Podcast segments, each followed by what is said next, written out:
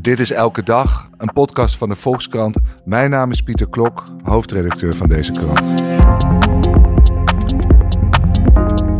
In Nederland hangen 1,2 miljoen slimme deurbellen. Al die kleine camera's samen vormen in wezen een intensieve surveillanцemaatschappij. De camera's filmen vaak meer dan is toegestaan en de politie maakt gretig gebruik van de beelden. Leiden slimme deurbellen tot een veilige maatschappij of op zijn minst een veiliger gevoel? Ik bespreek het met verslaggevers Iva Venneman en Pieter Sabel.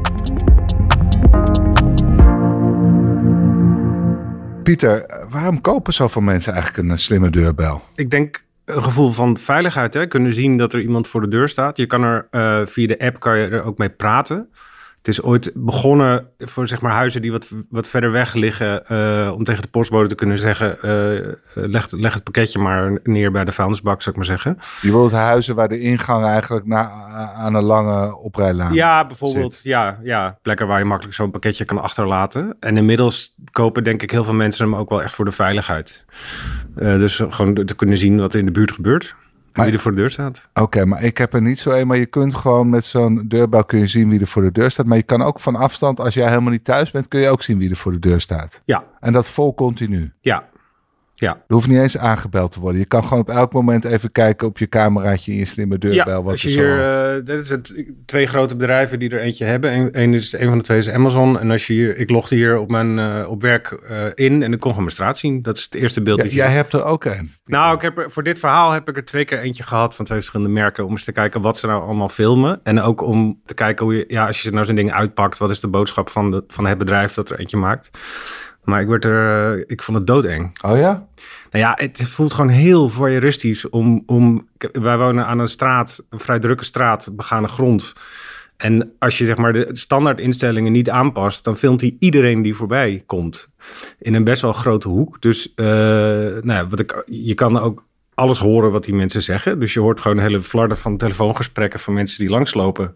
Ja, dat voelt gewoon heel raar, omdat dat normaal gesproken natuurlijk gewoon lekker op straat gebeurt. Je kan echt gluren. Ja, zo voelt het. Ja. Maar wat, wat was nou het verschil tussen die twee types? Nou, we wilden even kijken vooral wat ze nou allemaal delen met uh, de bedrijven waarvan ze gemaakt zijn. Het andere merk heet UFI, dat is van een Chinese maker. Ja. Toen we hiermee begonnen, dat was ook nog met een andere collega erbij, Martijn Erens toen waren er allemaal berichten over dat je eigenlijk heel makkelijk op afstand op uh, de deurbellen van wildvreemden kon inloggen. Nou, dat blijkt allemaal wel mee te vallen. Maar ik wilde vooral zien wat slaan ze nou eigenlijk op? Wat kan je allemaal terugkijken? Wat, wat doet zo'n app als je uh, gewoon de standaard instellingen uh, aan laat staan, zeg maar? Maar jij kan in principe alles terugzien. Dus als je zegt, ik wil nog, hoe, hoeveel slaat hij op? Of, of? Ja, hangt er een beetje van af. Je kan het lokaal opslaan en dan kan je het geloof ik tot 80 dagen.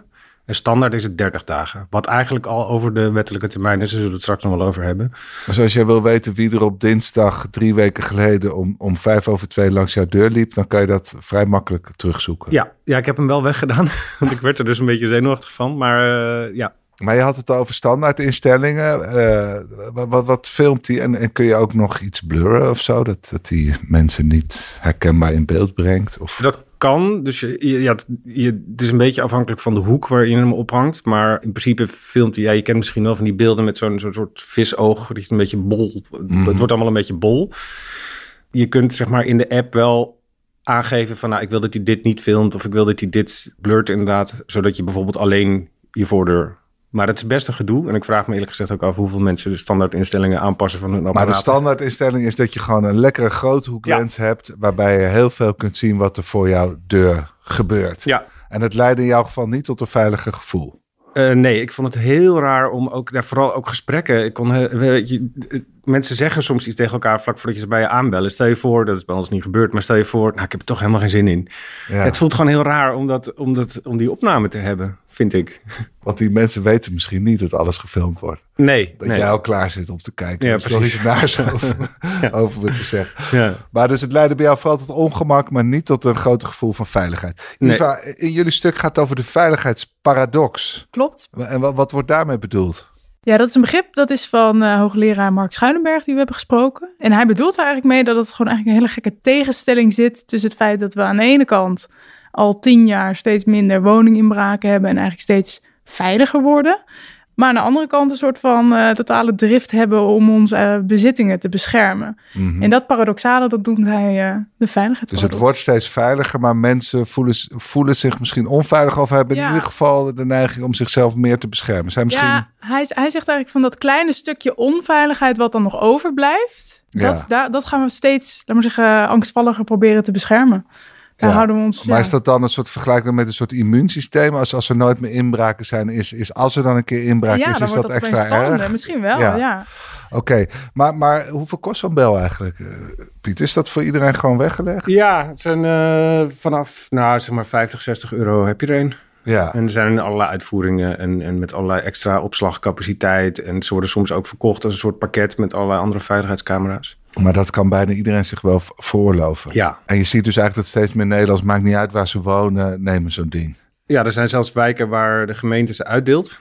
Eh, ook, ook met een soort, een soort idee van, nou, dan is deze wijk nu veilig. Dan krijg je er gewoon gratis eentje op je nieuwbouwhuis. Ja. Als je ziet hangen, is het heel, heel vaak op nieuwbouw. Dus het wordt volgens mij gewoon meegeleverd. Ja, dat was ook een van de redenen waarom die bellen zo, laat maar zeggen, snel, eh zoveel meer mensen zo'n bel hebben dan vroeger. Want eh, een paar jaar geleden kostte zo'n ding nog 200 euro. Dus dan ja, denk je wel even na van, heb ik dat echt nodig? Maar omdat ze gewoon zo goedkoop zijn geworden, ja, dan... eh, En projectontwikkelaars of gemeentes, die, die vinden het ook gewoon prima. ja, er zijn dus sommige gemeentes die zeggen van, goh, hier heb je zo'n bel, eh, hang maar op. Dus dat, eh, ja. Ja. dus het wordt wel gestimuleerd. En dan, nou, we weten dus nu dat Pieter zich niet veilig is gaan voelen. Hoe, hoe, wat, bij de gemiddelde Nederlander voelt hij zich wel veiliger als hij continu kan, kan zien wat er op straat gebeurt? Ja, dat is het grappige. Ik denk als je aan mensen zelf vraagt waarom hang je zo'n ding op, dan zegt iedereen natuurlijk ja, want ik voel me zo meteen veiliger als ik zo'n bel heb en weet wat er voor mijn deur zich afspeelt. Maar als je kijkt naar onderzoeken, dan zie je dus dat uiteindelijk het effect van zo'n bel is dat mensen dus de hele tijd weten wie er langs loopt. En normaal gesproken zie je dat natuurlijk niet. Dus je hebt geen Nee. idee als je niet thuis bent. Maar nu kan je gewoon kijken en dan staat er ik wil een gekke man in je portiek. En dan denk je, god, dat is toch een vreemde vogel. Wat zou die daar doen? Ja. En dat gevoel, dat, dat zorgt dus voor een En dat zetten ze dan meteen in de buurt-app. Exact. En dat, dus het hoeft niet eens je eigen bel te zijn waar je een onveilige gevoel van krijgt. Ook het, het feit dat je buren zo'n bel hebben. En dan in de groeps WhatsApp zeggen van, god jongens, heeft iemand deze man of vrouw door de straat zien lopen? Wat is dat voor figuur? Dat zorgt ook voor een toenemend gevoel van onveiligheid. Maar weten we hoe die eh, bellen gebruikt worden? Gaan mensen gewoon voor een lol de hele dag kijken of wachten ze tot er wordt aangebeld? Nou, eigenlijk weten we daar denk ik nog niet zo heel veel over. Ik denk dat het ook een beetje verschilt per persoon. Hè? Dat je krijgt volgens mij zo'n een melding op je telefoon als er echt iemand staat. En ik denk dat eh, de meeste mensen ook wel Ook beter... als hij niet gebeld heeft, er zit een soort sensortje in. Ja, het, werkt met een bewegingssensor. Eh, daarom kreeg ik dus in, in, in eerste instantie ook al die meldingen eh, van mensen die langsliepen. Om de havenklap kreeg je een melding. Ja, ja, elke, ja, elke, ja normaal zo wonen Op aan de je, best op je telefoon, hoe Ja. werkt dat? Ja, nou zo. Ja, dus je krijgt een pushbericht met, eh er staat iemand voor je deur. Nou, dat was dan in, in ons geval, er loopt iemand langs. Nou is het wel zo dat je dat kan uitzetten. Dat geldt voor al deze dingen. Dus je kunt, je kunt die bewegingssensor kun je ook instellen dat hij alleen op een bepaald eh, stukje reageert, zou ik maar zeggen. Eh, je kan natuurlijk die, app, die, die pushmeldingen allemaal uitzetten, maar ja, ik vraag mezelf altijd af, nogmaals, hoeveel mensen de standaard instellingen Ja. induiken om dit soort dingen goed te regelen. Maar jij werd er helemaal gek van. Maar mag dit eigenlijk, eh, Iva? Zo maar je straat filmen continu. En zelfs als je op wintersport bent, nog even kijken wie er allemaal la- langs lopen. En Nou ja, kun je eigen straat filmen, dat mag niet. Wat je wel mag doen... dat mag niet. je Nee, eigen in principe, in principe niet. Of er moeten hele uitzonderlijke... eh, Dat mag alleen de overheid met veiligheidscamera's. Ja, kijk, eigenlijk wat je mag, je eigen voortuin en je oprit. Want dat is van jou. Mhm. Dus dan mag je, daar mag je lekker een camera op zetten als je wil. Maar eh, zodra het de stoep bereikt, dat gaat over de openbare ruimte. En de openbare ruimte is van ons allemaal. Dus daar mag je niet, je mag niet mensen in de openbare ruimte zomaar zonder toestemming filmen. Mhm. Dat mag alleen als er bijvoorbeeld in jouw wijk een soort van hoos aan, aan, aan inbraken is en een soort van nou, prangende reden is waarom jij toch inbreuk moet maken op de privacy van anderen. En zelfs dan, dan moet je het heel goed aangeven. Dan moet je zorgen dat alles geblurred is. Dus dan zijn er ook nog wel. Maar dan moet je bijna een soort vergunning aanvragen. Ja, dan moet je echt kunnen aantonen van... in mijn geval is het zo nodig om deze openbare ruimte te filmen. Maar in de meeste gevallen is dat natuurlijk helemaal niet zo. Ja, maar er wordt, wordt er gehandhaafd. Want anders hadden ze Pieter ook moeten aanpakken, denk ik. Want die, die heeft gewoon de openbare weg gefilmd. Ja, dat- nou- durft hij je gewoon toe te geven in de podcast. Ja, dat is dus het, het, interessante aan, aan dit gegeven. We weten dat die bellen echt overal hangen. Eén op de zeven mensen heeft zo'n bel.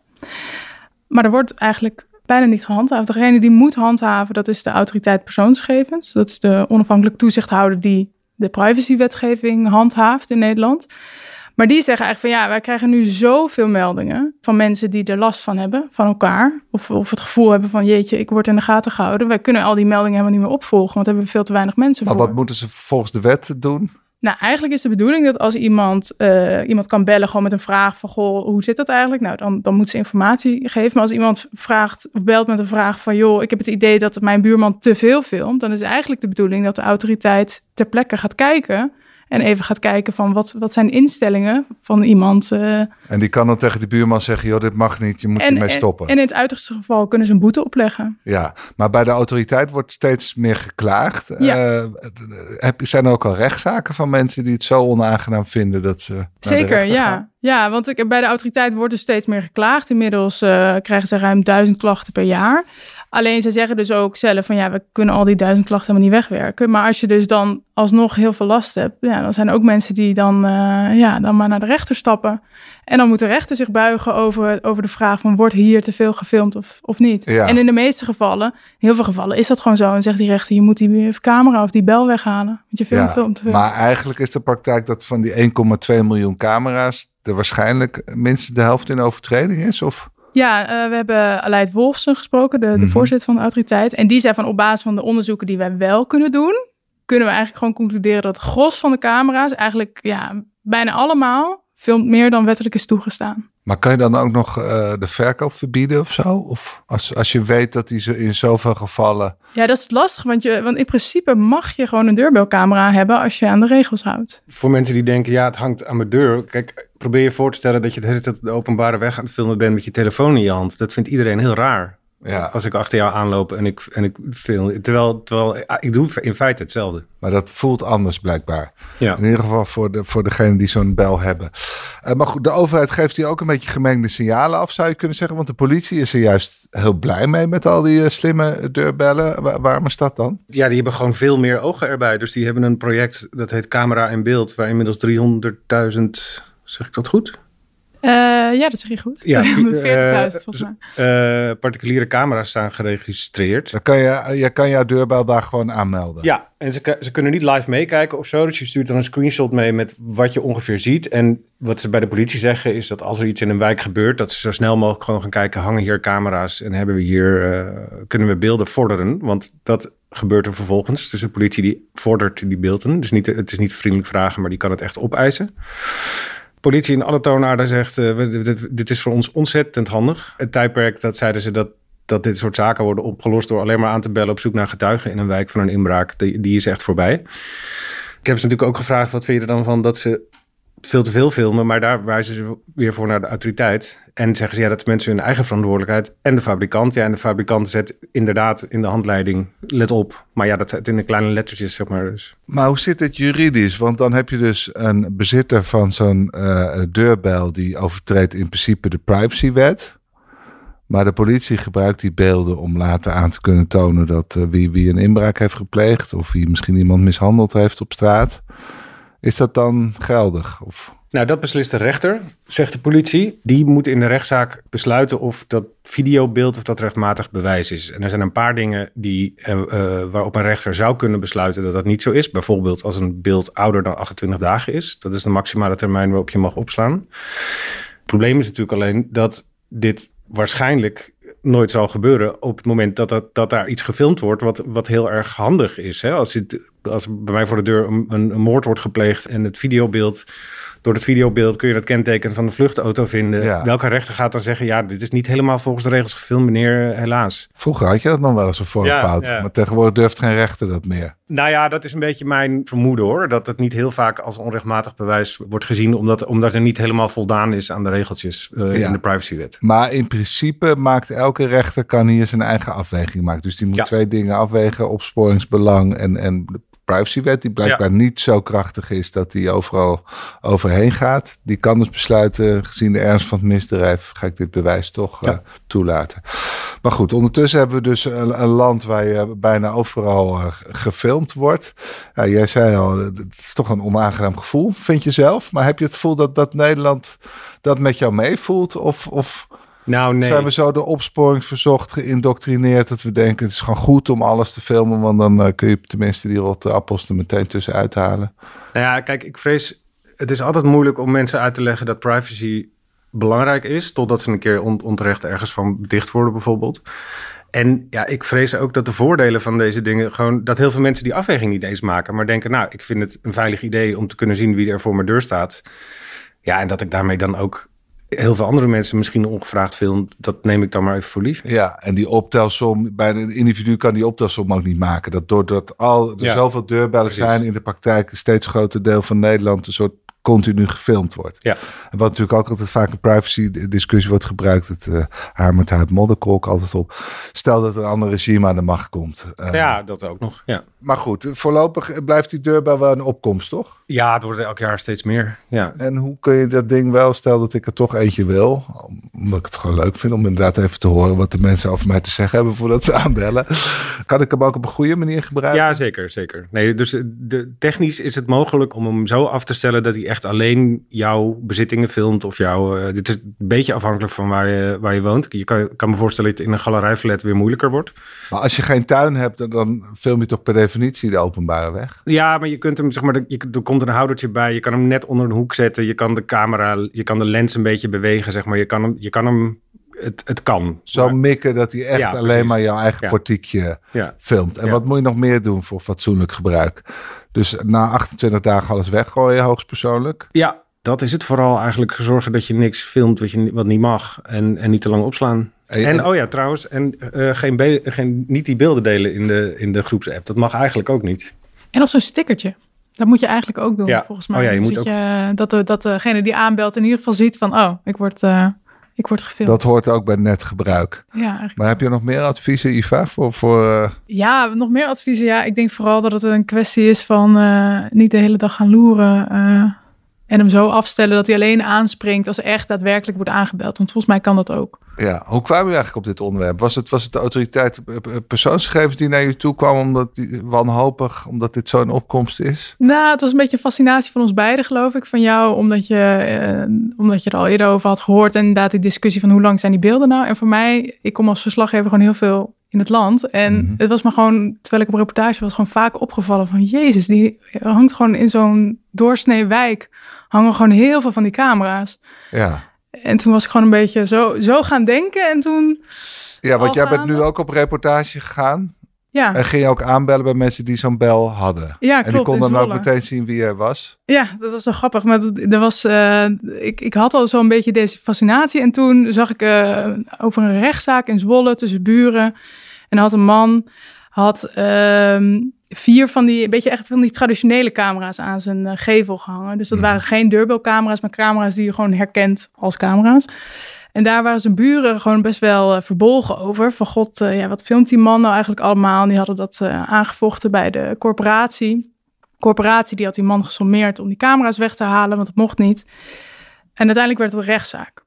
En die man voerde in die rechtszaak aan van, ja, uh, ho even, mijn camera's zijn allemaal supergoed afgesteld en ik doe er helemaal niks geks mee. En mijn buren tegelijkertijd, die hebben allemaal deurbelcamera's, die zitten mij ook in de gaten te houden. Nou, uiteindelijk, het is een beetje een juridisch verhaal. Uiteindelijk bleek dat die man die camera's niet had mogen ophangen, maar die deurbelcamera's hingen er wel allemaal gewoon. En dat waren ook precies die mensen die hadden geklaagd, die vonden het wel heel erg dat die ene buurman hun aan het filmen was. En tegelijkertijd deden ze het zelf ook. Maar begrijp je dat? Dat de mensen die zelf filmen het misschien ook het meest onaangenaam vinden om zelf gefilmd te worden?